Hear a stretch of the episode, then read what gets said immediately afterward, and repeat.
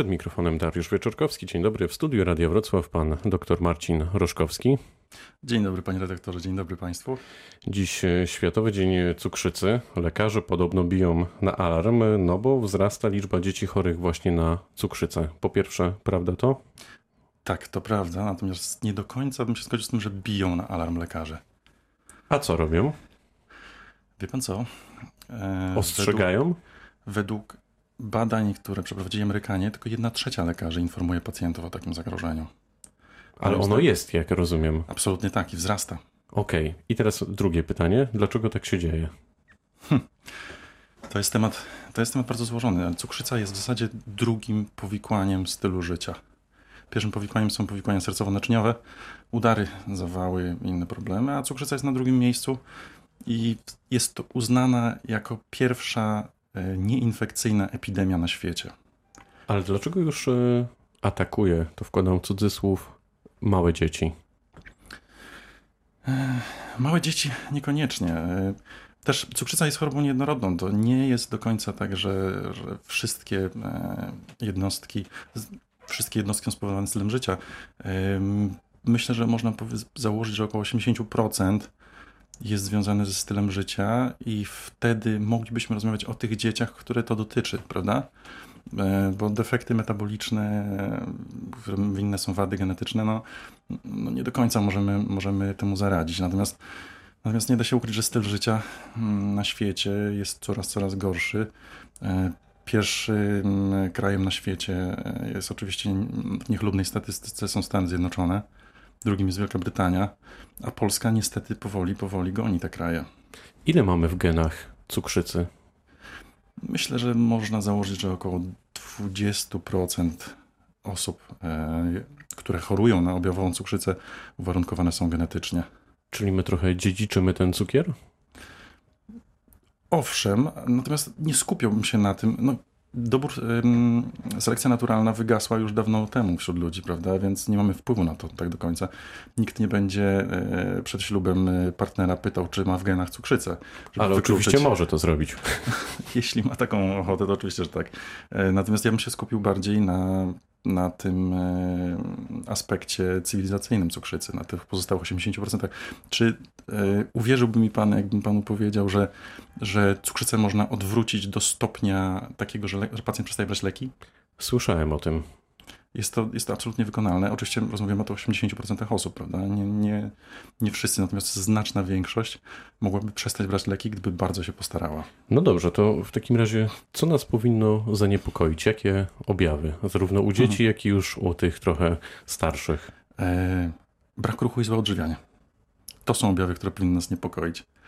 Nie, cukrzyca e, dopiero w późnym stadium daje objawy charakterystyczne e, owszem, e, powinniśmy zdawać sobie sprawę, że jeśli, jeśli zaczniemy odczuwać e, znaczny brak siły, potliwość, jeśli będziemy ogromne pragnienie odczuwać, bardzo duży, e, dużą potrzebę spożywania słodkich rzeczy, to, to możemy chorować na cukrzycę. Mimo wszystko w całej kilkunastoletniej mojej karierze kilka osób może mi się zdarzyło z takimi objawami, gdzie przyszedł pacjent i mówi, że wypija, wypija 7-8 litrów wody dziennie, prawda? Mm, w badaniach, prostych badaniach laboratoryjnych wyszło, wyszedł bardzo wysoki poziom cukru. Pacjent dostał doustne leki i tą cukrzycę opanowaliśmy. Natomiast, natomiast cukrzyca jest bardzo podstępna. Ona się rozwija powoli e, i no ciężko mówić o jakichś bardzo charakterystycznych objawach. Mówi się właśnie, że cukrzyca to cichy zabójca, czyli trochę zgodnie z tym, e, o czym pan powiedział, do jakiego lekarza w takim razie powinniśmy się udać i jakie badania zrobić, bo jak rozumiem, to nie jest kwestia tylko tego, że pobierzemy sobie cukier, sprawdzimy rano i jak tam jest w normie lub poniżej najlepiej, no to to jest po temacie. I tu pana zaskoczę, bo y, jest to dosyć dobry sposób y, na y, postawienie silnego podejrzenia cukrzycy. Natomiast, natomiast naprawdę, podkreślam jeszcze raz, nie skupiałbym się na badaniach laboratoryjnych, bo e, w prewencji cukrzycy, bo znacznie, znacznie ważniejszy jest, e, jest nasz styl życia. Ja myślę, tak jak mówię, objawem cukrzycy jest, jest brak ruchu, jest złe odżywianie. To jest pierwszy objaw cukrzycy. 50% Polaków umiera 30% czasu wcześniej z powodu czterech rzeczy. Palenie, palenie tytoniu, alkohol, brak ruchu, złe odżywianie. No właśnie, ja mam takie dane, że e, to zdaniem lekarzy, czyli między innymi być może pana albo pana kolegów, za 20 lat e, cukrzyca dopadnie co dziesiątego z nas. Czyli rozumiem, że jak zaczniemy się teraz ruszać i weźmiemy sobie do serca te apele, to mamy szansę na zmniejszenie tych e, nie, niezbyt optymistycznych statystyk i wyliczeń. To na pewno będzie wspaniały pierwszy krok. Na pewno będzie to wspaniały pierwszy krok do tego, żebyśmy uniknęli cukrzycy ruch. E, problem polega na tym, że kiedy na przykład w takiej placówce e, jak ta, w której ja pracuję w sieci Twój Lekarz, wiele z nas e, jest świadomych, świadomych tego, jak powstaje cukrzyca, świadome tego, jakie są złe nawyki i, i jesteśmy w stanie udzielić pacjentowi konkretnej porady, prawda? To zatrzymajmy się tu na chwilę. Załóżmy właśnie, że słyszymy od lekarza, że niestety chorujemy, albo za chwilę zachorujemy, jak czegoś nie zmienimy w naszym życiu. Czy cukrzyca to jest wyrok? Z jednej strony już sobie sam odpowiadam, że nie, bo powiedział pan, że da się to odwrócić, ale co trzeba zrobić, żeby hmm. faktycznie nie wpaść w cukrzycę? Ruch to jest, y, to jest mechanizm, dzięki któremu nasze tkanki spalają cukier. Y, ruch to jest mechanizm, dzięki któremu nasze tkanki chętniej wyłapują ten cukier z krwi później. Y, cukrzyca powstaje w takim mechanizmie, kiedy e, insulina, czyli substancja wydzielana przez naszą trzustkę, przestaje być, działać na tyle silnie na tkanki, żeby one chciały wybierać tą, ten cukier, czy glukozę, e, mówiąc poprawnie, z krwi. Więc e, ruch na pewno jest bardzo istotny. Myślę mimo wszystko, że jednak, jednak tutaj istotniejszym aspektem jest, jest dieta, prawda? Ja pacjentom często powtarzam 80% sukcesu dieta, 20% sukcesu ruch. One są nierozłączne, ale proporcje właśnie mniej więcej tak wyglądają. E, problem jest taki właśnie, że kiedy pójdzie pan do lekarza, mm, zrobi pan e, Narodowy Fundusz Zdrowia gwarantuje pacjentom od 35 do 55 roku życia co 5 lat e, screening, czyli badanie profilaktyczne w kierunku innymi cukrzycy, prawda?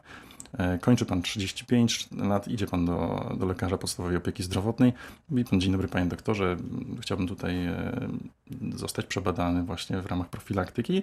Lekarz wykonuje panu e, badanie z krwi, wykonuje lipidogram, wykonuje glukozę, mierzy pana waży, pomiar ciśnienia i, i, i tu, już, tu już w zasadzie lekarza się najczęściej kończy. A te badania co 5 lat wystarczają? Mm, czy te badania wystarczają? Statystycznie tak. Statystycznie jest to e, znacznie zmniejszają odsetek chorych. Natomiast, tak jak mówię, tutaj najczęściej niestety leka rola lekarza się kończy. Mało który lekarz wytłumaczy Wam dokładnie, na czym polegać e, ta prewencja, prawda?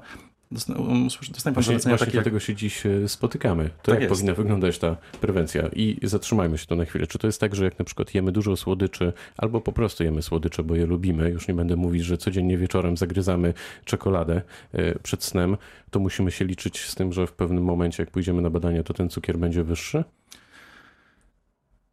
Wszystko zależy od tego, ile pan tej czekolady je. Co to jest za czekolada? O to inaczej zapytam.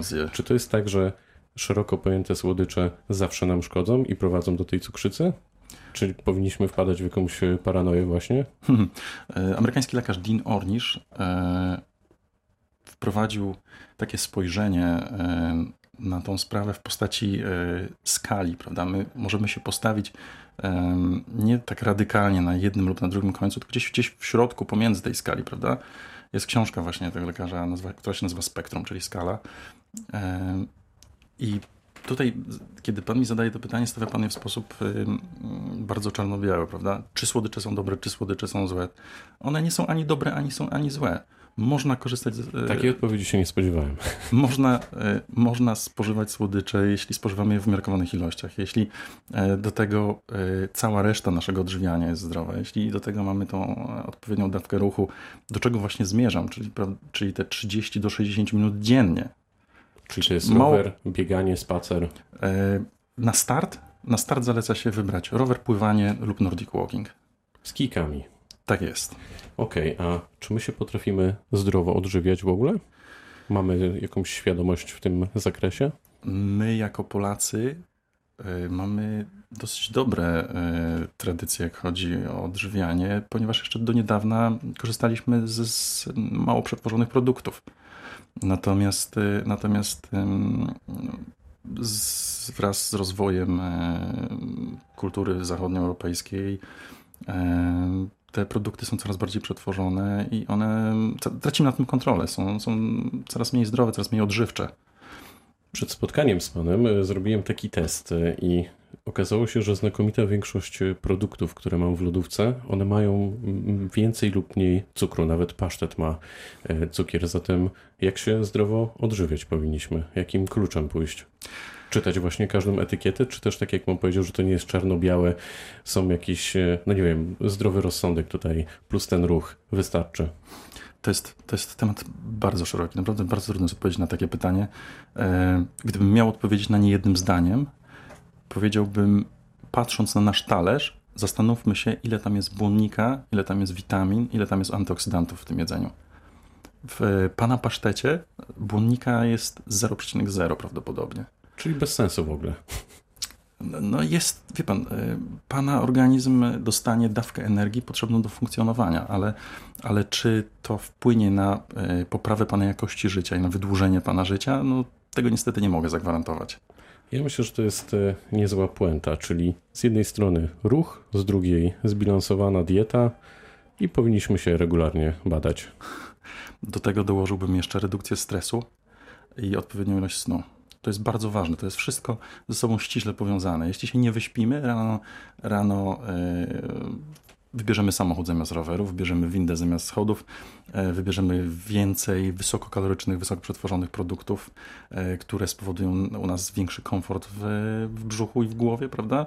I, i etc., etc powiedział pan doktor Marcin Roszkowski w Światowy Dzień Cukrzycy, który był gościem rozmowy Dnia Radia Wrocław. Bardzo dziękuję za spotkanie. Bardzo dziękuję panie redaktorze, dziękuję państwu. No i życzymy zdrowia i dobrego dnia.